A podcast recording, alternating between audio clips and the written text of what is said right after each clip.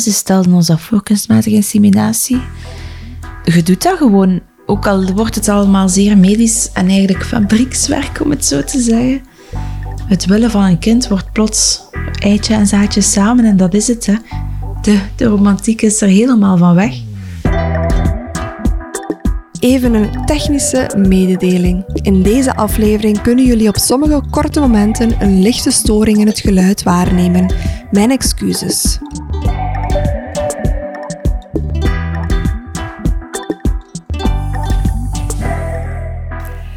Ik ben Céline, ik word 33. Ik ben van opleiding voetvrouw. Ik werk in het UZ Gent nu als verpleegkundige. Ik ben mama van Luc en Lotte en ben al jarenlang samen met Stef. En wij, ja, wij wonen hier op Evergem en we zijn heel tevreden. Super. Jij bent vroedvrouw. We hebben elkaar leren kennen 15 jaar geleden in de opleiding. Klopt. Dat is echt 15 jaar geleden. Lang geleden. Maar jij werkt als verpleegkundige, hè? Ja, dat klopt. Ik heb wel gesolliciteerd als voetvrouw, maar er was toen geen plaats.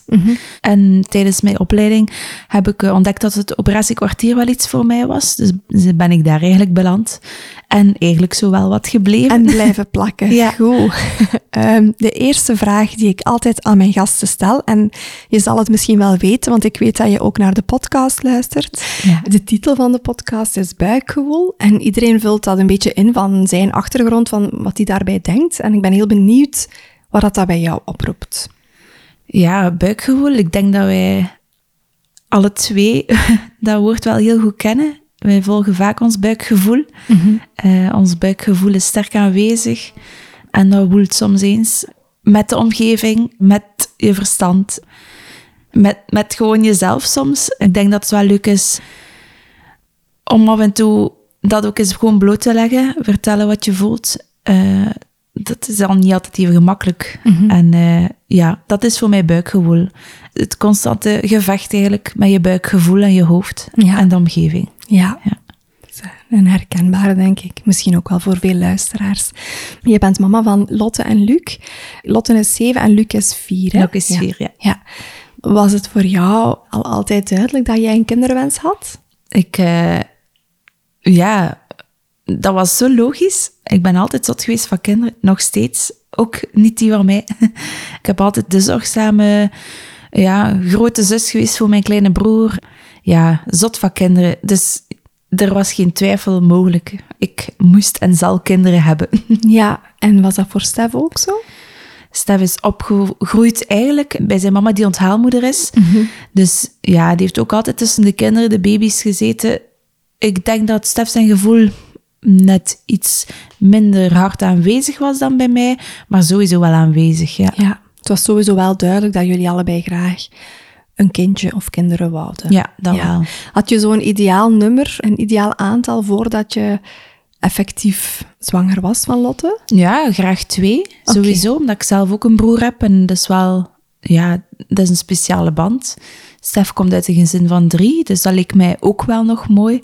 Maar allee, twee was toch het minimumaantal. eh. Als je mocht wensen. Ja.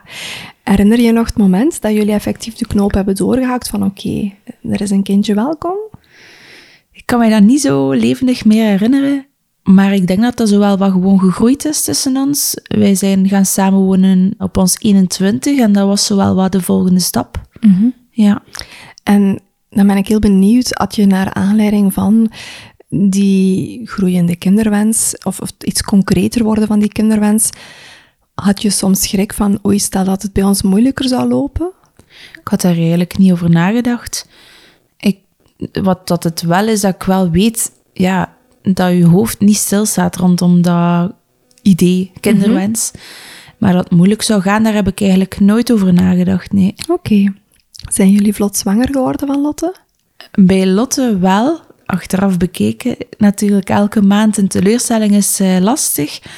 Maar op zich na vijf maanden waren we allee, dan toch zwanger. Lotte, Dus ja. eigenlijk is dat redelijk vlot gegaan. Ja, en hoe vond je die vier maanden daarvoor? Als het dan hè, welkom was, maar niet gelukt was, om het dan zo te zeggen?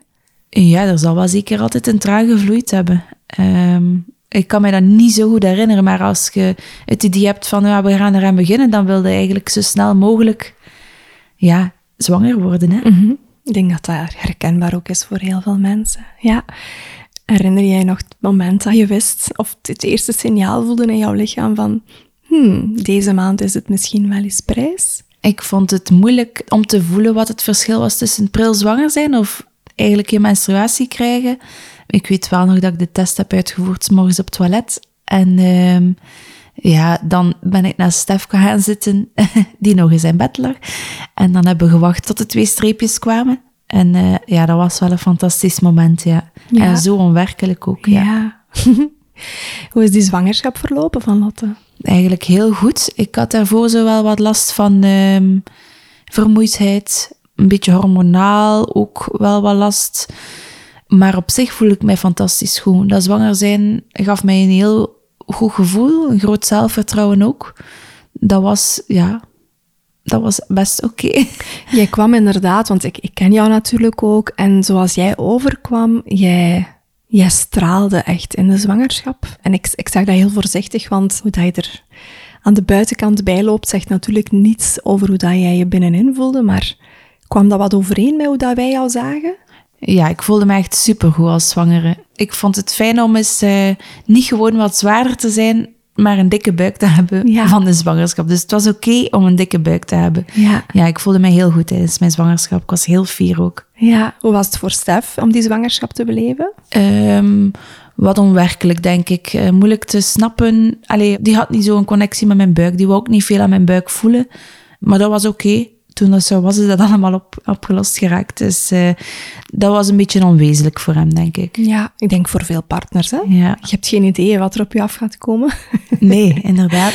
Nee, en als vrouw voel je dan inderdaad dat die baby wel in jou aan het groeien is en dat hij al van alles aan het eh, veranderen is in, in hoe dat je denkt en, en, en hoe jouw lichaam is, fysiek dan. Maar ik kan me wel voorstellen voor partners dat dat toch nog een abstract gegeven is tot als een baby daar effectief is. Hè? Ja, klopt. Hoe was de bevalling bij Lotte? Ehm Stef vond het zeer lastig. Ja.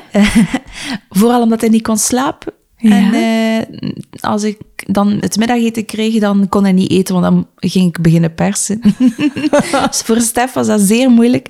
Maar voor- Timing. ja. Ehm, op zich is dat wel goed verlopen allemaal. Lotte lag in sterrenkijker. Ja. Ehm, ik vond het wel leuk om te bevallen, achteraf bekeken. Maar ik vond het wel spannend om, om het dan een tweede keer te doen. Omdat je de eerste keer beleef je dingen en dan nadien zie je dingen anders. Ja, bijvoorbeeld, ik wou graag in bad bevallen. Maar ja, mijn gynaecoloog was daar niet zo fan van. Zeker niet bij de eerste kindje. Dus ik heb niet in bad gezeten. Ik had ook nog niet opgemaakt of ik een epidurale wou of niet. Maar ja, de vroedvrouw zei op dat moment van, ja, je moet nu kiezen. Een anesthesist zit anders vast in het OK.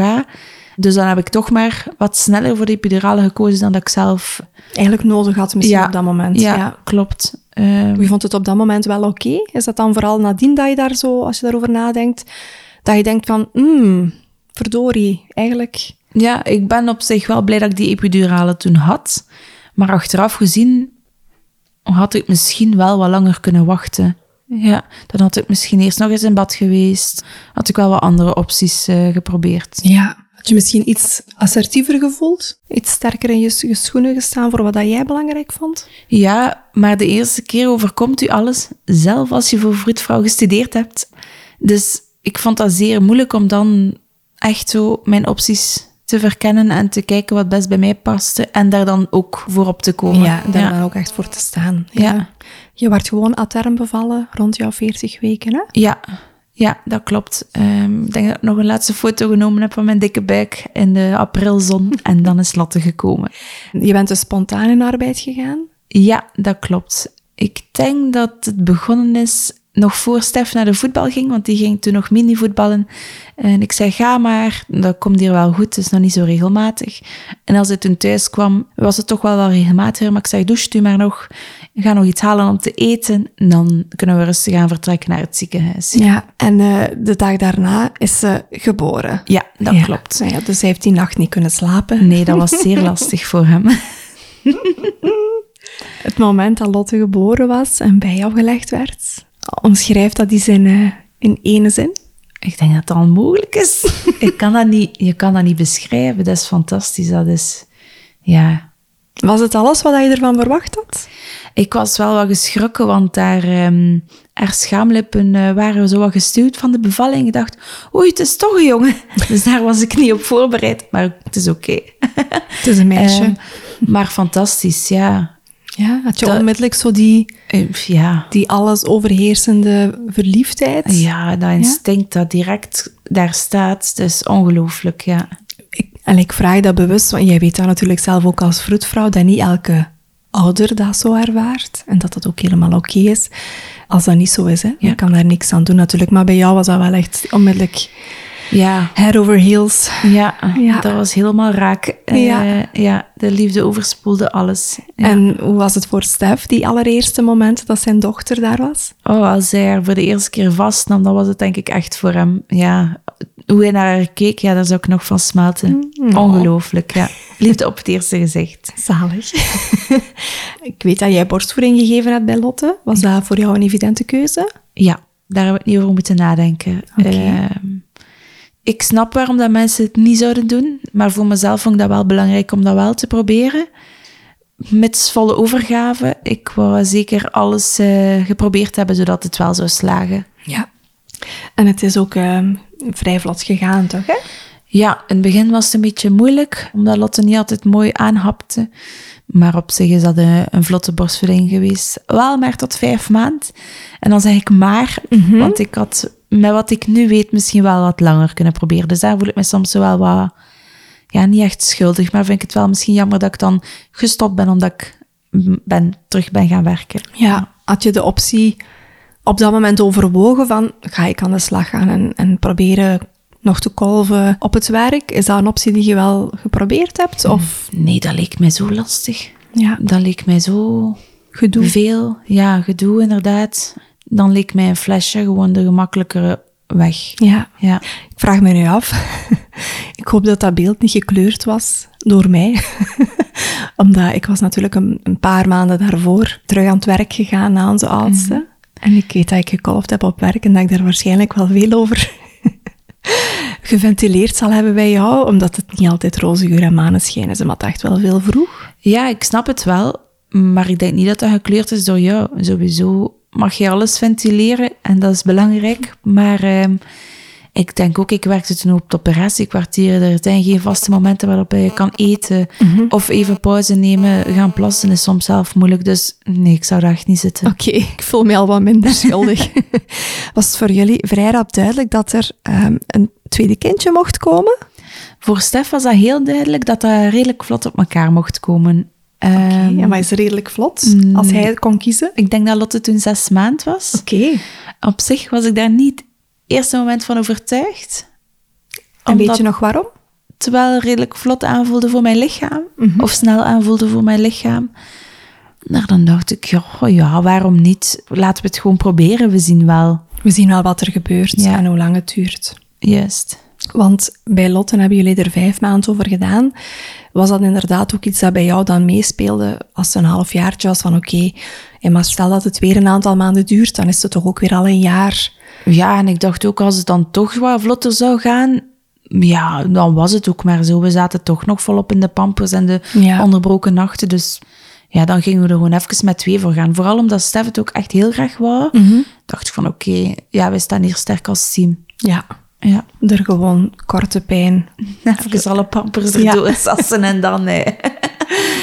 um, misschien, ik ben wel nog benieuwd, want zoals ik me herinner, jouw kraamperiode bij Lotte, opnieuw leek jij heel gelukkig te zijn. Moeder zijn, ik, ik had altijd al in jou gezien, ik kende jou natuurlijk al veel langer dan toen je mama werd. Jij was zo echt een, een van de vriendinnen waarvan ik zo altijd dacht van ja, je bent echt een geboren moeder. Ik vind dat een uitspraak als ik die... Alleen nu ga ik die nooit niet meer doen naar andere vriendinnen toe. Omdat best wel veel mensen dat tegen mij ook zeiden. En ik was niet per se heel gelukkig in mijn zwangerschappen of in mijn kraamperiodes. En dat gaf mij heel veel schuldgevoel. Omdat hoe ik ervoor kwam niet resoneerde met hoe ik mezelf van binnen voelde. Hoe was dat voor jou? Um, ik ben eventjes aan het denken over wat dat jij vertelt. Ik denk niet... Als iedereen jou als een geboren moeder ziet, dat je daarom een slechte moeder bent, omdat je niet direct goed voelt. Nee, klopt. Ehm, en daarom vind ik nogal wel altijd dat jij een geboren moeder bent. Maar, zwart. Maar ik geloof dat, ja, ik weet niet hoe dat ik het moet zeggen, dat je, ook al zie je dat in iemand anders, ik heb wel het gevoel dat dat bij ons zal kloppen. Wij hebben zo'n goed buikgevoel en ik geloof dat wel dat wij daar vaak juist in zijn. Maar ik voelde mij op dat moment ook wel heel goed. Dat was mijn ding. Dat is de job van mijn leven, mama zijn. Dus ehm, ook al is het niet altijd gemakkelijk, Mhm. dat is wel echt iets waar ik mij in kan... ehm, ja, waar ik mij thuis voel. Ja, Eh, mijn ding doen. Natuurlijk is het een zoektocht, hè. Ik heb ja veel, eh. Ja. veel andere ideeën opgedaan sinds haar geboorte, maar ik geloof wel dat dat moederinstinct dat er wel in zit, maar dat dat er soms wel pas later zou kunnen uitkomen. Ja, ja zo- zoals ik jou zag in die kraamtijd met Lotte, ik vond dat, ik vond dat magisch om te zien. Hoe dat, dat leek u zo...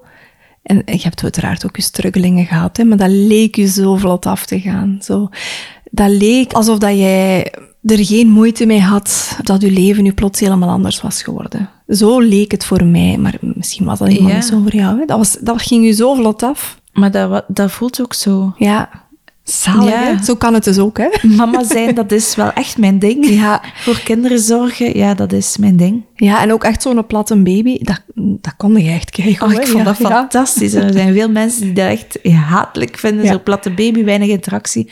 Maar wauw, die band die je creëert met je baby. Ik vond dat echt fantastisch. Ja. Ik zou het nog duizend keer opnieuw doen. Ja.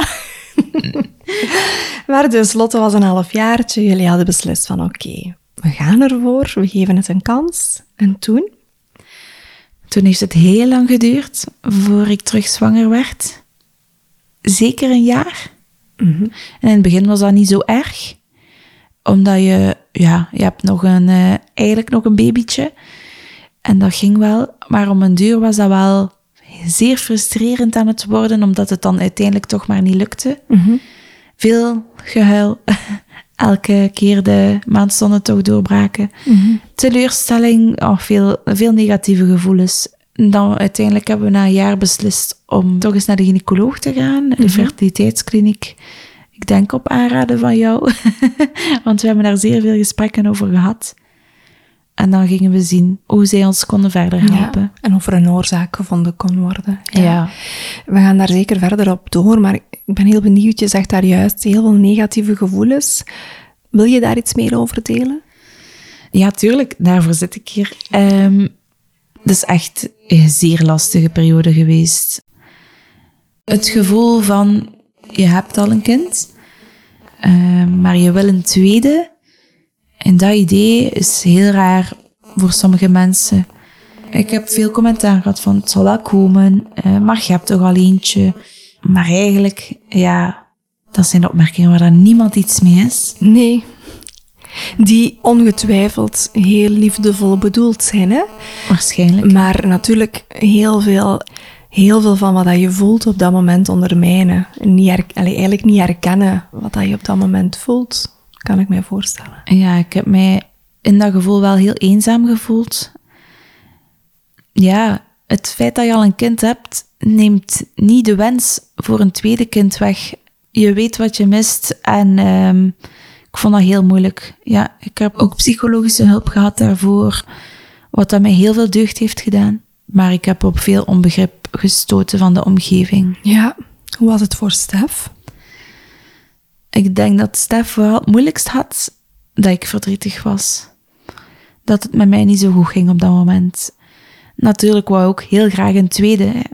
Waar, allee, hij heeft geïnitieerd om te beginnen. Dus ja, ik, ik ben zeker dat hij ook zijn verdriet daarin gekend heeft. Maar ik denk niet dat hij dat altijd uitgesproken heeft naar mij toe. Omdat ik het echt heel lastig had. Ja. Ja, Dat eigenlijk zijn stukje misschien een klein beetje wegcijferde ik denk het. uit ja. bescherming naar jou.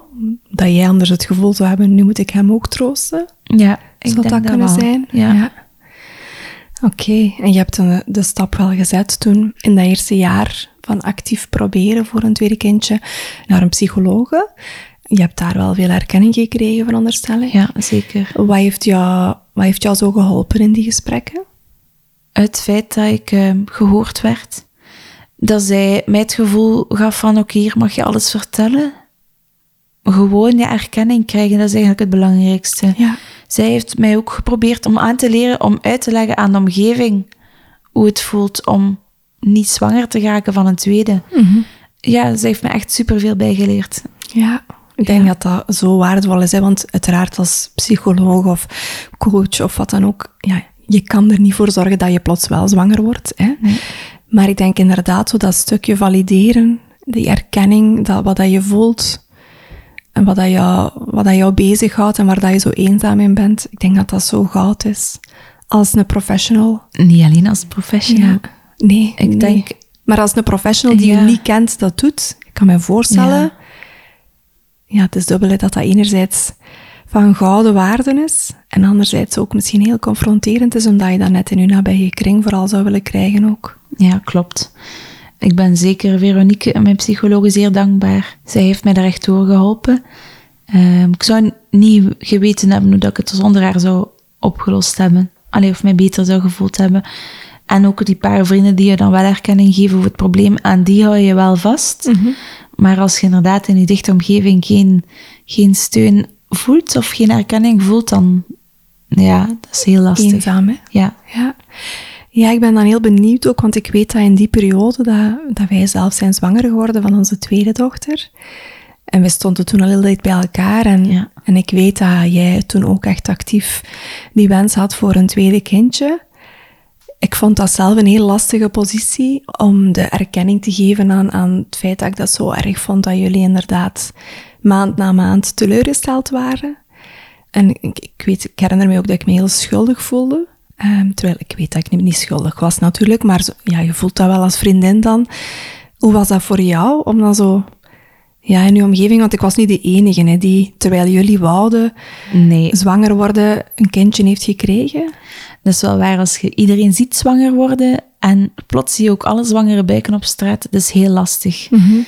Ik weet nog dat ik op een verjaardagsfeestje was van een vriendin. Haar zoontje was jarig en zij kondigde aan dat ze zwanger was voor haar tweede. En ik ben echt gecrashed. Ik ben weggelopen. Natuurlijk gun ik haar alle geluk en alle liefde en het was haar zo gegund. Maar zeer confronterend. En die momenten waren zeer lastig. Maar over jou, ik mocht u altijd bellen als ik dan toch mijn regels gekregen had. Ik mocht altijd huilen. Ik heb dat niet zoals een be- bedreiging of zo. Of, of- ja, dat deed bij mij minder pijn. Omdat ik weet dat ik wel erkenning kreeg van jou en dat ik jou ook altijd mocht bellen. Dus ik was mega blij als je zwanger was. Dat kon wel. Ik vind, dat, ik vind dat zot, want ik weet dat je dat toen ook wel zei, maar ik vind dat heel, ja, ik vind dat heel mooi van u. Maar ja, je zegt gewoon ook een schoon mens. maar ehm, ik, ik weet dat ik dat wel heel lastig vond. En ik benoem het ook bewust nu in de podcast, omdat ongetwijfeld ja, 1 op 6 heeft te maken met fertiliteitsproblemen. Ongetwijfeld gaat er hier wel iemand luisteren die in, in, in het parket zit, waar ook ik mij in bevond van, oké, bij, bij ons is er misschien geen fertiliteitsprobleem. En we zitten ook in die fase van zwanger willen worden, een kindje krijgen. En dan zo heel nabij in je omgeving zien dat het bij anderen moeizamer verloopt. En dat is super lastig, dat geeft keihard gemengde gevoelens. Ja. Dat is waar. Maar ik denk dat open communicatie veel, veel verandert. Ik denk als je, hè, als degene die zwanger probeert te raken en het lukt niet, dat kan vertellen en dat je dat kwijt kan bij die persoon die dan plots wel zwanger is. En eigenlijk vind ik dat dat een beetje los kan staan van elkaar dan. ja. Van je kan blij zijn voor de ander en je eigen verdriet mag er ook zijn. Ja, da- daarnaast mag je zelf ook gewoon heel veel pijn hebben, want je gunt het jezelf natuurlijk ook. Ja. ja. Na een jaar hebben jullie dan inderdaad de stap gezet naar de fertiliteitskliniek. En dan zijn zo die eerste onderzoeken allemaal opgestart, veronderstel ik. Een algemene bloedafname, een echo, een, een semenanalyse, zoals we dat dan noemen, dus een spermaonderzoek. Is daar toen iets bijzonders uitgekomen? Nee, en dat was heel moeilijk. Eigenlijk is het gemakkelijker, dat is niet het juiste woord, maar wil je wel met je vinger kunnen aanduiden waar zit het probleem? Maar nu was er geen probleem. Wij waren alle twee perfect vruchtbaar. En bewezen vruchtbaar ook. Ja, want ja. Lotte was er al, dus dat was ook wel goed, maar ook niet goed. Dat was heel dubbel. Van oké, we zijn blij dat er niets is met ons, maar waarom lukt het dan niet? Ja. Ja, dat is zeer raar, want ik heb soms wel zelf gedacht, ik ben niet eens zwanger geraakt in dat jaar. Ik heb zelf geen zwangerschapsverlies meegemaakt. En langs de andere kant dacht ik van, kon het nu maar al eens zwanger worden? Maar dat zelf niet. En eigenlijk is dat zo dom dat je zo'n dingen denkt, want ja, je kunt niet wensen voor een zwangerschapsverlies. Mhm. hè? Het gevoel hebben dat je toch zwanger kan worden, dat is het belangrijkste. Maar ja, dan begin je zo aan die dingen te denken. Ja. En, allee, ja, ik wil echt geen afbreuk doen aan, aan de gevoelens die bij zoiets te pas komen, maar Ik denk inderdaad, als je gewoon doorheen zo'n zo'n traject gaat, denk ik dat wat dat jij nu benoemt, iets is wat dat heel weinig mensen gaan durven uitspreken, maar misschien ook wel al eens stiekem gedacht hebben, inderdaad. Hè. Ik denk dat dat ook heel normaal is en dat dat absoluut niet is om afbreuk te doen aan, eh, aan nee, verlies. zeker hè. niet, want ik ben blij dat ik het niet heb meegemaakt. Ja. Maar soms ja, zijn er dan zo gedachten die passeren en dan denk ik, ja, waarom worden wij nu niet zwanger? En, Ja. ja. Ja, en ik, ik, ik, ik, heb, ik ben er zelf niet doorgegaan, maar als ik het mij zo probeer in te beelden, als er een verklaring gevonden wordt, dan heb je ook iets om een stukje misschien inderdaad de teleurstelling en de boosheid op te kanaliseren. Ja. En dan hopelijk ook een stukje waar dat er een oplossing voor gezocht kan worden. Mhm. Maar als er een onverklaarbare secundair fertiliteitsprobleem is, hè, want dat is het dan, ja, dan blijft het inderdaad zo out in die open. Hè. Ja, en nu? Wat was dan de boodschap? Goh, ehm, ik denk dat wij dan gewoon begonnen zijn aan de kunstmatige inseminatie met eh, eigenlijk de eerste stap in de fertiliteit. Ik ben ook wel blij dat er uiteindelijk zich niemand schuldig heeft moeten voelen. Omdat, ja, je schuldig voelen in de fertiliteitstraject is al een zeer gevoelig onderwerp, denk ik. is al zeer aanwezig wellicht. Ehm, ja. maar ik ben wel blij dat er niemand van ons zich schuldig heeft moeten voelen. En dan zijn wij gewoon inderdaad gemakkelijk op de eerste stap begonnen met de kunstmatige inseminatie. Was het onmiddellijk inseminatie of eerst ovulatie-inductie? Alle, alle twee. Ja, ovulatie-inductie en kunstmatige inseminatie. Ja, Ja, oké. En toen? ja ehm, ik denk dat wij in totaal vier pogingen hebben doorlopen voor kunstmatige inseminatie. Dus ja, met prikjes en een pilletje op tijd nemen en bellen en... En een gemonitorde inseminatie op het juiste moment. Ja, Ja. dat is wel... ehm, ik weet eigenlijk niet goed meer hoe dat wij dat gedaan hebben, ook qua werk en zo. Ja, dat vraagt log- logistiek alleen al ja. veel. Hè? Ja. ik weet het niet zo. We weten dat we wel een aantal keer in het ziekenhuis gezeten hebben en dat eh altijd spannend was. De dag dat eh Stef zijn potje mocht brengen en ik mocht gaan. Ja. Voor dus de inseminatie zelf. Wel heftig, wel intens wel. Ja, want ik, ik ben heel benieuwd hoe dat jullie aanvankelijk, dus na de eerste onderzoeken, er komt geen verklaring uit. Wat was jullie idee toen? Was, was inseminatie wel onmiddellijk iets van, oké, daar... Yes, we kunnen nu actief iets nieuw proberen. Of was het ook van, willen we dat wel? Gaan we dan niet gewoon nog wat afwachten? Of, of, hè, want zo'n fertiliteitstraject, als je daarvoor staat, lijkt mij dat ontzettend moeilijk om te kunnen inschatten waar je grenzen liggen. Je kunt daar wel een idee van hebben, maar we weten allebei dat dat doorheen zo'n traject, dat die grenzen heel rap kunnen vervagen. Eh, De aflevering van Elve onder andere, en zij vertelt ook van, ja, je zit op een trein en die blijft maar gaan en je ziet wel die perrons onderweg, maar je, je, hebt, je kunt er gewoon niet meer afspringen. Dus ik ben zo heel benieuwd als jullie dan effectief die beslissing namen van oké, we gaan voor inseminatie. Hoe dat je dat overzag, hoe dat, wat dat dan met jullie deed. Ik denk dat wij dat eigenlijk ook gewoon gedaan hebben. Dat wij daar... Ja, ze stelden ons dat voor en wij zijn daar opgesprongen. Ik denk dat dat klopt, die trein. Je doet dat gewoon. Ook al wordt het allemaal zeer medisch en eigenlijk weinig romantisch. Ja, het wordt zowel wat eh, fabriekswerk, om het zo te zeggen. Ja, het willen van een kind wordt plots eitje en zaadje samen en dat is het. Hè. De, de romantiek is er helemaal van weg. Ja, ik denk dat je inderdaad gewoon op die trein springt en mee- meedavert. En eigenlijk, stilletjes aan, begonnen wij ook al te denken, wat als dit nu niet lukt? Want we hadden zes pogingen. Eh, we zaten uiteindelijk aan de vierde en dan dacht ik van, oei, wat- de volgende stap is IVF. Daar kreeg ik wel schrik voor. Kan je vertellen wat dat dan juist die schrik was voor jou? Omdat het nog meer ging vragen van ons als koppel. We gingen dat sowieso gedaan hebben, daar, daar twijfel ik niet aan. Maar dat is wel weer een stap dat je neemt. Ik denk ook, als je een kinderwens hebt, ja, dan gaat het door, door het slijk. Dan doe je alles, denk ik. Dan probeer je alle opties. Ik denk dat je het jezelf niet zou kunnen vergeven, moest je niet alles geprobeerd hebben. Maar ik dacht, dat is al heel veel werk voor een kindje. Maar ja, ik denk dat er veel mensen zich dat gevoel uh, wel kunnen aanschrijven. Uh. Ja, dat dat wel herkenbaar gaat ja. zijn, ja.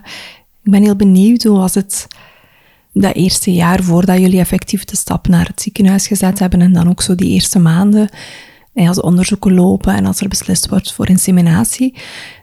Wil je daar iets over delen, hoe dat, hoe dat intimiteit dan beleefd wordt? Want ik kan me voorstellen dat daar, ja, dat je toch meer op die klok gaat kijken en dat, dat, dat het een extra lading gekregen heeft, toch wel? Ja, zo de, het spontane is er wel vanaf. Hè? Je moet, uh, hè, wanneer uh, is mijn ovulatie? Ja, dan is nu de moment. Net ervoor, net daarna. Een beetje dagen tussen, dat het zaad ook nog uh, kwalitatief genoeg is. Ja, dat wordt eigenlijk veel gedoe. Ja, kan je dat voorstellen? Dat is helemaal niet meer zo leuk. Ja, hebben jullie zo, zeker in dat eerste jaar, zo af en toe gedacht van, pff, eigenlijk willen we gewoon eens even een pauze van, van heel dit? Wel, ik denk het wel dat we een paar maanden overgeslaan hebben, maar vooral omdat Stef het belangrijk vond dat zijn eh, kindje niet geboren werd in december. Ah. Hij vond dat een te drukke maand om geboren te worden. Maar op zich denk ik dat dat niet slecht was.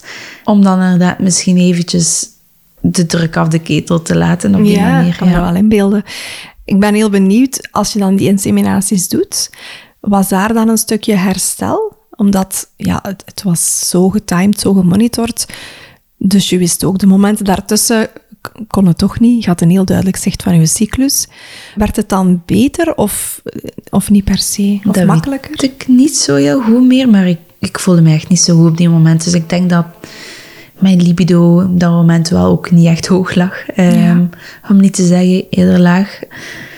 Ja, ik denk dat dat geen uh, topperiode zal geweest zijn. Ik vraag dat ook bewust en ik ben heel blij dat je daar ook zo eerlijk over praat, omdat ja, dat is toch een gigantisch taboe, denk ik, voor heel veel, ja, maar heel veel wensouders.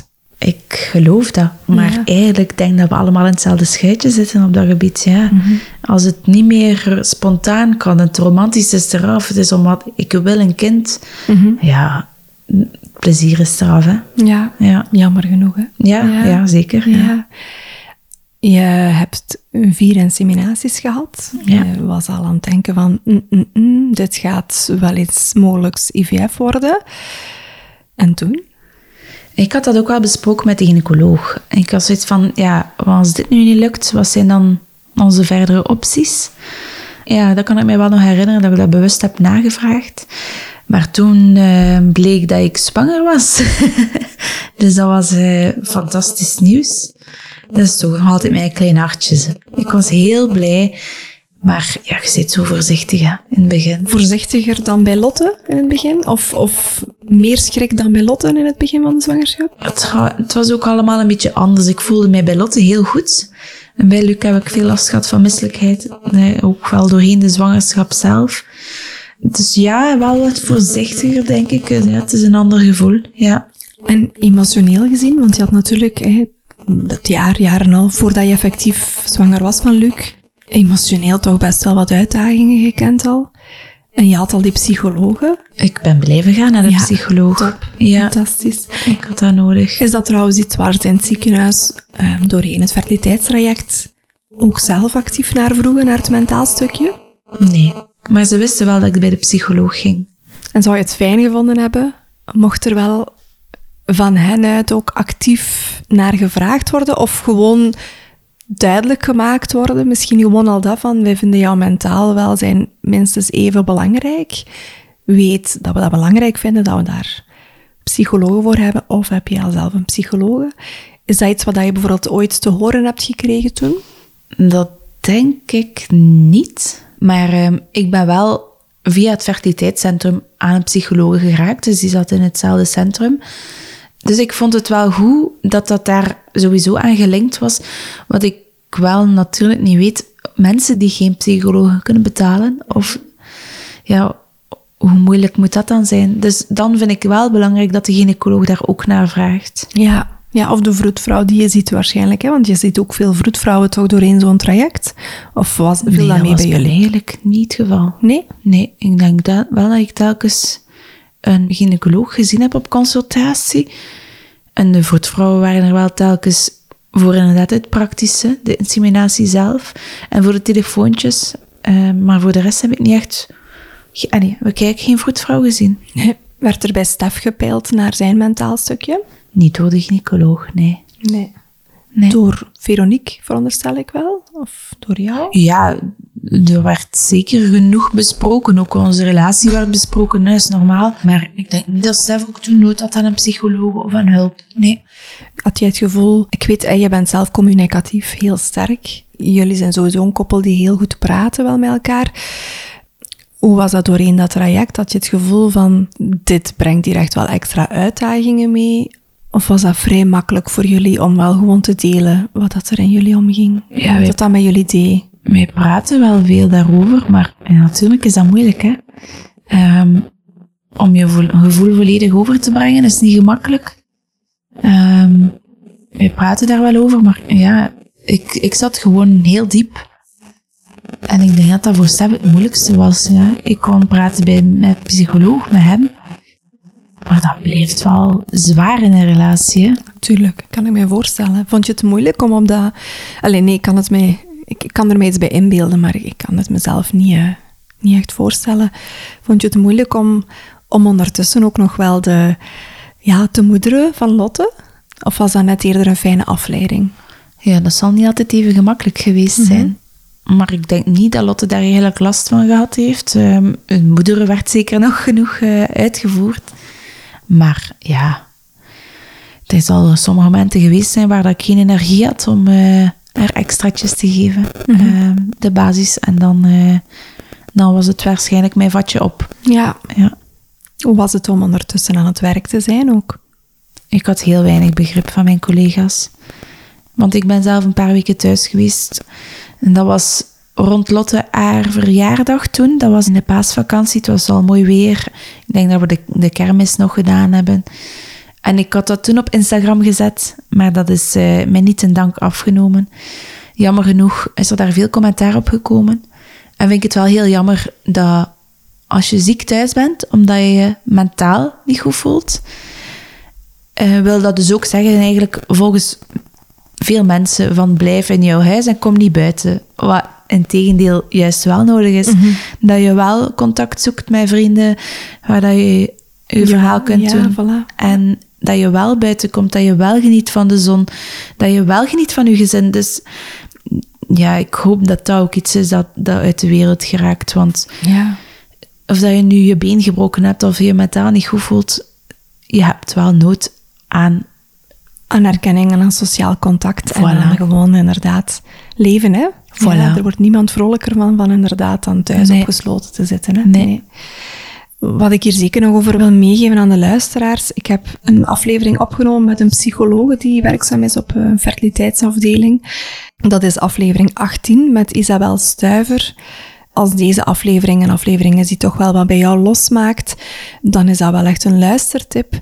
Isabel werkt als psycholoog op een grote fertiliteitsafdeling en zij geeft eigenlijk ook aan, en onderzoek toont dat ook aan, dat de grootste uitdaging in een fertiliteitstraject is eigenlijk de emotionele impact. En dat is iets wat vaak door de wensouders zelf niet altijd erkend wordt in eerste instantie, omdat je vooral het logistieke en het de spuitjes en het, het, het feit dat er plots een, een timing en een klok bij komt kijken. Dus dat is iets wat veel mensen wel inschatten van dat gaat wel lastig kunnen zijn. En wat gaan die hormonen wel met mij doen en zo. Maar echt de emotionele impact, ehm, we weten dus uit onderzoek dat dat wel de grootste impact is. Dus dat is zeker ook een interessante voor als luisteraars hier middenin zitten, om eens te laten luisteren aan, aan familie, vrienden die weinig begrip konden opbrengen in de omgeving omdat dat denk ik echt, ja, er, zit heel weinig, er is heel weinig kennis daarover bij veel mensen. En dan worden er heel vaak de uitspraken gezegd, je bent nog jong, of je hebt er toch al eentje, of dat komt wel goed, of je moet er niet mee bezig zijn. Ja, die Ja. zullen je ook wel herkennen. Zet, zet die knop maar eens uit. ja, zet of die vind knop maar eens af. maar. Ja, welke knop? Ja, als Dus, ik nog even mag ingaan op wat jij zegt. Het logistieke is te regelen. Het fysieke, de spuitjes, dat is allemaal te doen. U naar een ziekenhuis begeven, dat is oké. Dat overleef je allemaal. Maar wat dat je achteraf het meest onthoudt, is de emotionele impact. Ja.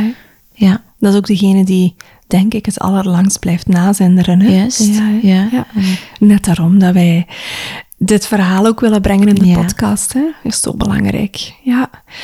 De zwangerschap van Luc. In het begin was het toch allemaal wel heel spannend. Vertel, hoe is dat verder verlopen? Ik was weer graag zwanger. Die dikke buik was eh, zeer leuk weer. Maar ik was misselijk. en eh Luc had ook heel veel de hik in mijn buik. Ik vond dat zo lastig. Gulzigaar. Oh my god. Echt zo, ja, wel de lastigste zwangerschap van de twee. Er loopt natuurlijk eentje rond. Mijn lichaam heeft al eens eh, een zwangerschap gedragen. Dus ehm, ja, ik had ook wel bekkeninstabiliteit. Dus ik moet wel zeggen, die zwangerschap was niet echt fantastisch. Ja, Ja. ik had heel veel pijn. Ja. Hoe leefde je toen naar de tweede bevalling? Wauw, ik dacht, nu ga ik het eens helemaal anders doen. Zoals heel veel. Ja, maar echt, je moet precies die ervaring al eens gehad hebben om, om het dan toch wat sterker in je schoenen te staan voor een tweede keer of zo. Of zo om te beseffen wat dat je dan echt niet meer wilt en wat dat je dan net heel graag Ja, wel wilt. Hè? juist. Ja. Ik heb heel veel cursisten die mijn online geboortecursus volgen wanneer ze in verwachting zijn van een tweede of een derde kindje. Het is duidelijk dat vrouwen vaak pas na een eerste kindje beseffen hoe cruciaal een voorbereiding is en wat ze daarbij dan gemist hebben. Dus, wil jij goed voorbereid zijn, ook op de geboorte en de kraamtijd van jouw eerste kindje? Dan kan ik jou mijn online geboortecursus warm aanbevelen. In mijn geboortecursus breng ik jullie in begrijpbare taal wetenschappelijk onderbouwde kennis bij. Ik toon jullie de opties en leer jullie hoe je het gesprek met je zorgteam kan aangaan. Want door de opties te verkennen kan je pas de keuzes maken die bij jou passen. Daarnaast is een bevalling en een kraamtijd een emotionele rollercoaster. Ook daar bereid ik jullie op voor in mijn cursus. Ik gun elke aanstaande ouder een positieve geboorteervaring waar jij met trots op kan terugkijken. Ook als het jouw eerste kindje is. En ik beloof je dat een goed voorbereide ouder de allermooiste cadeau is die jij aan jouw baby kan geven. Naast de geboortecursus heb ik ook een online borstvoedingscursus. Want ondanks dat borstvoeding natuurlijk is, verloopt de start niet altijd natuurlijk. En ook hierbij geldt, kennis en voorbereiding zijn de belangrijkste basis voor een goede start. Je kan de cursussen bekijken via de link in de show notes of neem een kijkje op mijn website buikgewoel.be. Ik dacht, dit keer doe ik het zonder epidurale. Ik wil dat echt eens meemaken. En dat is mij gelukt ook, dus ik ben heel blij.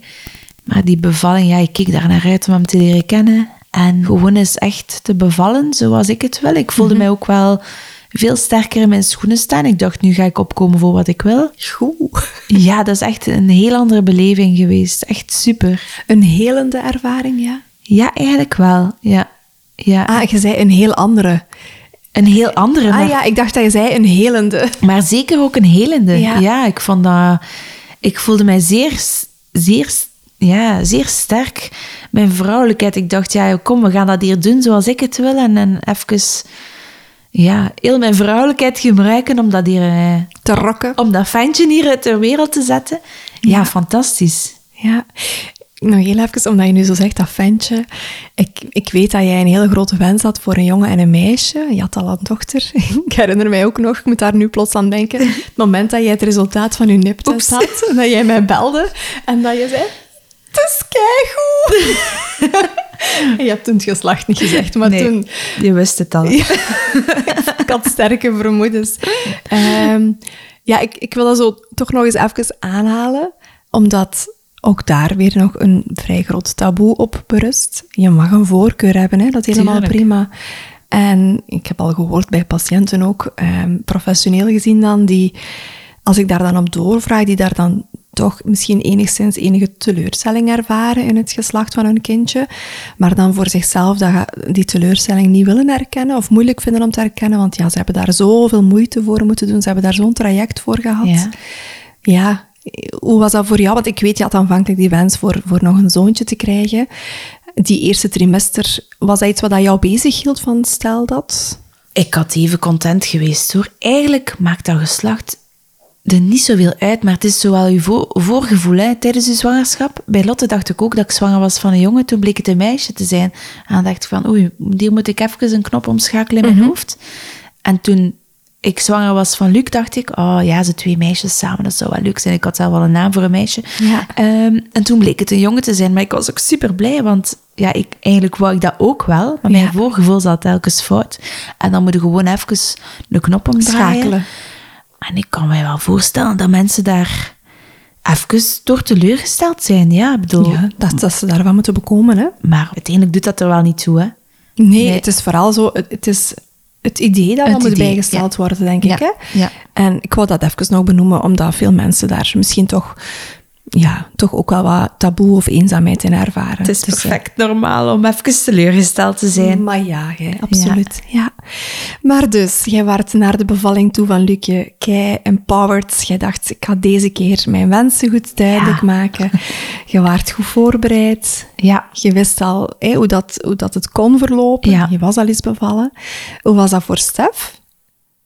Ehm Stef was eh, ook weer niet zo blij. Ik ben weer s'avonds eh in arbeid gegaan. maar deze keer had hij wel een goede zetel om op te slapen. Stef heeft ehm, niet echt geparticipeerd in de arbeid. Maar op zich was dat wel oké voor mij.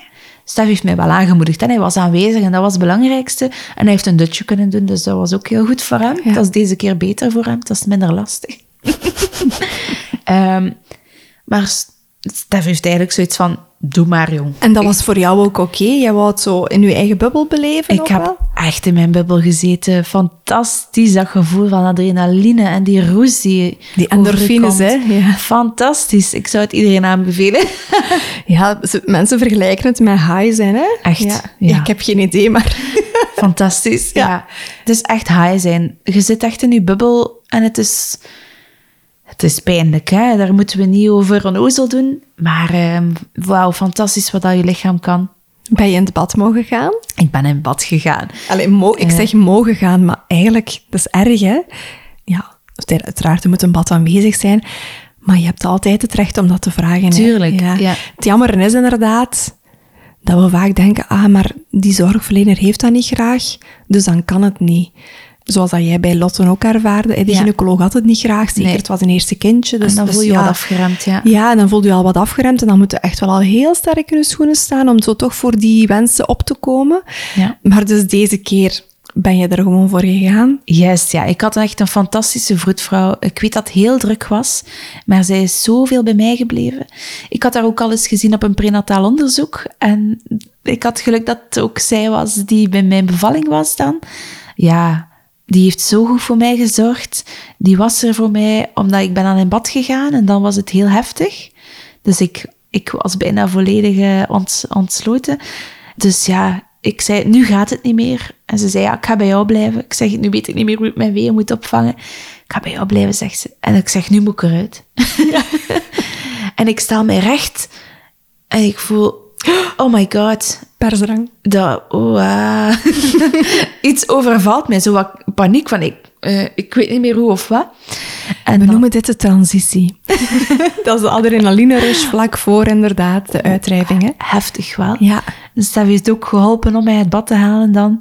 En dan eh, mocht ik terug even op de tafel liggen, want ik ben wel gewoon in gynaecologische houding bevallen. Maar toen zei ze, ja, je bent nog niet volledig, er is toch nog een klein boordje. Je mag, je wacht nog even met persen. ik zeg, dat gaat niet. Nee. gewoon, ja, daar, daar gaat kunt dat gewoon niet tegenhouden, Je kan dat niet tegenhouden. Dus zij Nee. zei, ja, maar je mag nog niet volledig. Ik zei, dat kan mij niet schelen, ik moet eruit. en dan ben ik binnen de persen, is het eigenlijk allemaal zeer vlot En gegaan. hij kwam eruit. Ik eh, weet wel nog dat ik heel luid fuck geroepen heb. Want het was eh, een groot kind en een zwaar kind. Maar eh, wauw, fantastisch. Ja, ja. Echt. En de vroedvrouw heeft ook de bevalling zelf mogen doen. Omdat het een van haar laatste dagen was. De Oh. gynaecoloog heeft haar gewoon laten doen. Ik Ja. vond dat echt zalig dat zij dat Zalig. heeft mogen doen. En zo hoort het eigenlijk, hè? Als Ja. alles vlot verloopt. Wij zijn als vroedvrouw prima opgeleid om bevallingen te begeleiden. Hè? Ja. En eigenlijk heb jij het vooral gedaan, hè, Celine? Even alle credits naar jou, hè? Maar niet zonder haar, want Maar ik ben echt heel dankbaar. Oh. ze zal blij zijn als ze dit Ja. hoort. Ja. Lukien is dus vlot vaginaal geboren. Ja. Helemaal op eigen kracht. Wat dat je zo gewenst had. Echt fantastisch. Ja, het Ja. eerste gevoel dat hij bij jou werd gelegd. Oh ja. Oh, kan je daar nog naar teruggaan? Verliefd weer, hè? Dat, dat kan dus nog eens, hè, nog eens verliefd worden. Want had je op voorhand schrik van, ga ik die even graag kunnen zien als eh, Lotte? Dat is heel dubbel, hè? Je hebt er al eentje lopen die alle aandacht heeft gekregen.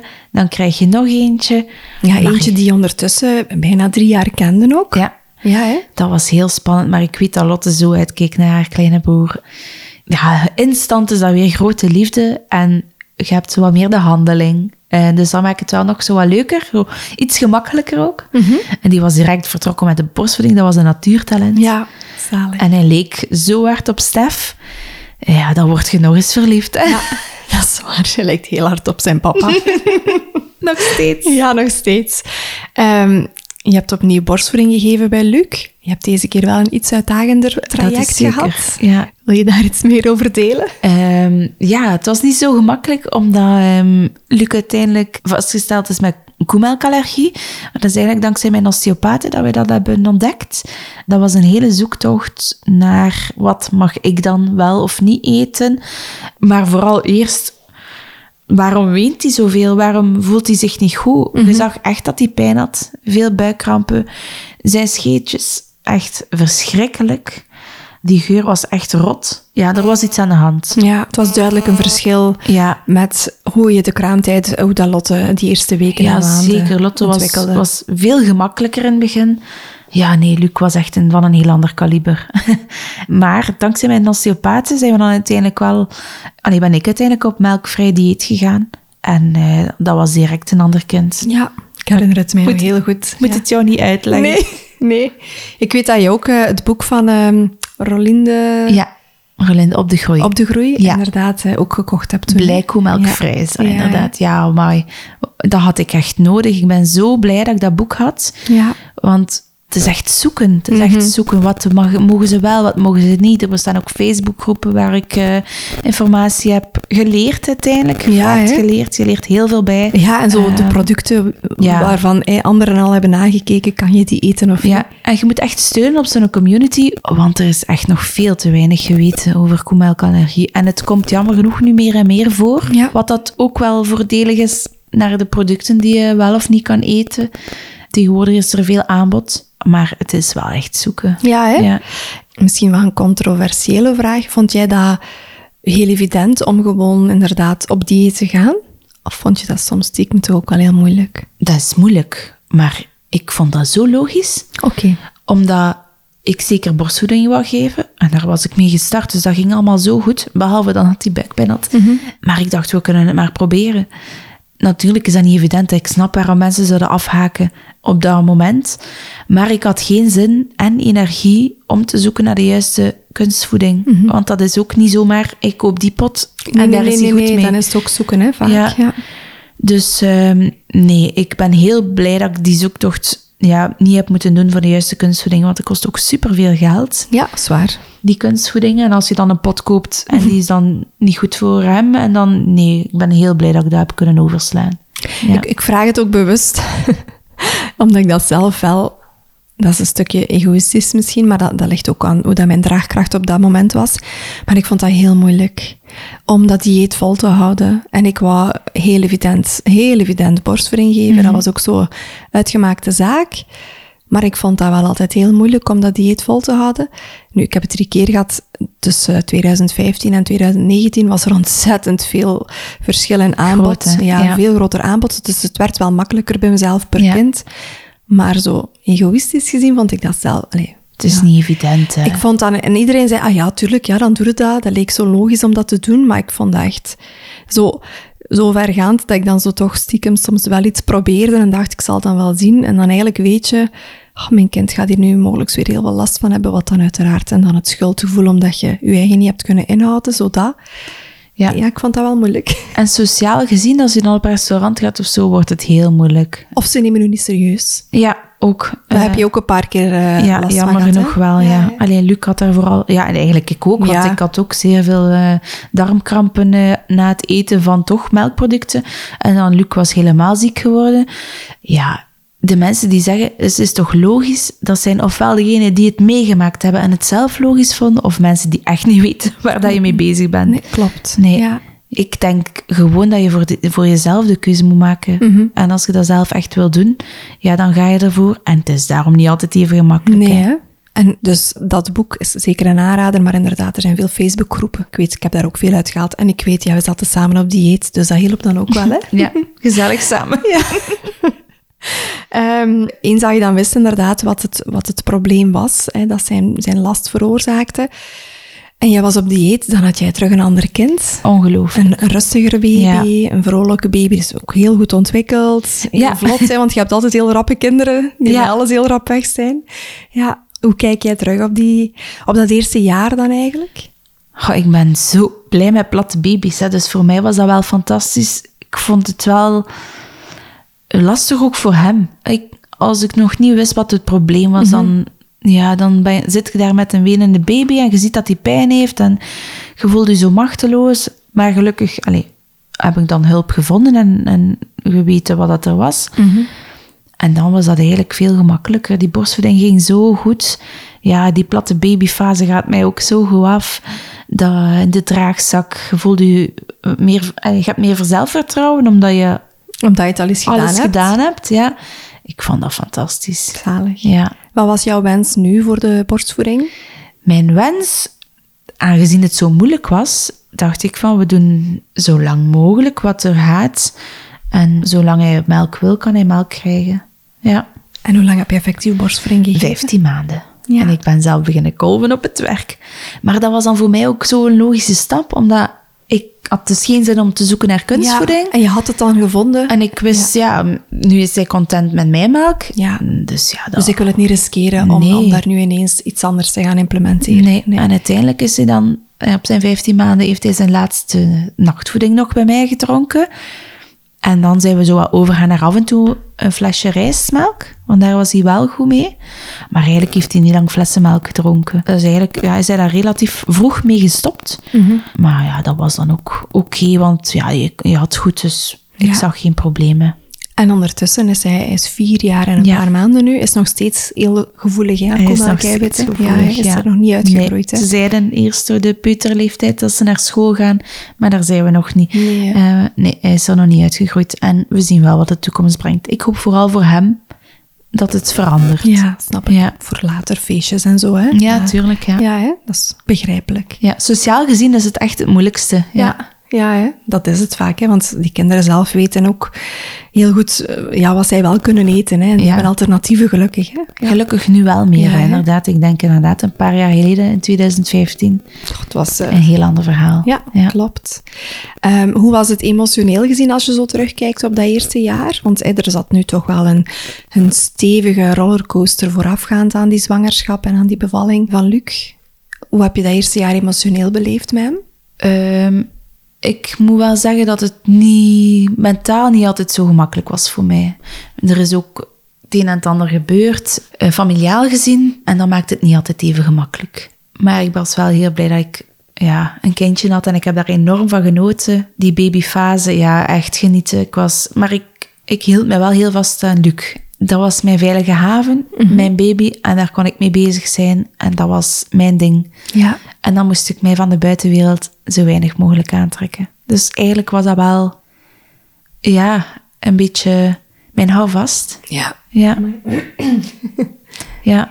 Je bent wel bij Veronique blijven gaan, de psycholoog? Ja. Ik, heb, eh, ik ga nog steeds naar de psycholoog. Ehm, het is niet altijd even gemakkelijk geweest de laatste jaren.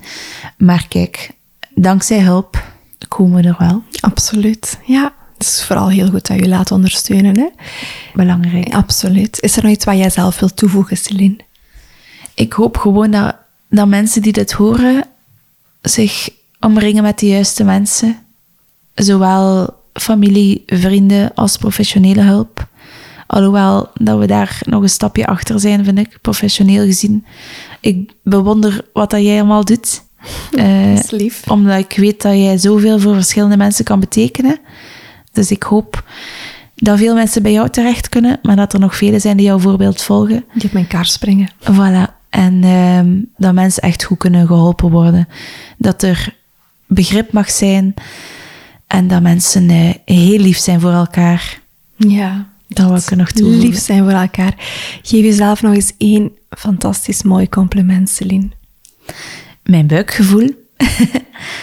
ja, ik zit zo vaak juist. Alhoewel dat, dat soms lastig is, dat vraagt ook veel energie. Maar ja. Het is toch een sterk iets, hè? Het is iets, uh, ja, ja, heel hard aanwezig. En soms maakt het dat, het leven soms net iets ingewikkelder. Maar het geeft ook wel vertrouwen. Ja, je komt er. Ja. Dank u wel voor dit heel eerlijk verhaal. Jij Ik vind het ook bedankt. fijn om, zo, om het nu zo'n paar jaar later, nu zelf de mist ook wat opgeklaard is bij mezelf, om het nu ook zo nog eens helemaal te horen. Ja. Eh, Dank u wel. Graag gedaan, lieverd. Bedankt om te luisteren naar Celine haar verhaal. Als je op zoek bent naar meer verhalen rondom fertiliteit, dan kan ik jou aflevering 8, 18 en 33 aanbevelen. Ik vind het leuk wanneer je de podcast deelt met mensen in je omgeving en online. Wil je de podcast steunen? Laat dan een gratis review achter in de app waar je luistert. En vergeet niet, als jij investeert in een van mijn online cursussen, investeer jij automatisch in jouw eigen toekomst en daarnaast ook in het voortbestaan van deze podcast. Ben je zelf niet zwanger, maar gun je iemand in je omgeving een goede start? Doe dan een cadeaubon van Buikgewoel cadeau. Je kan me contacteren via mijn website of Instagram. Dankjewel en tot de volgende.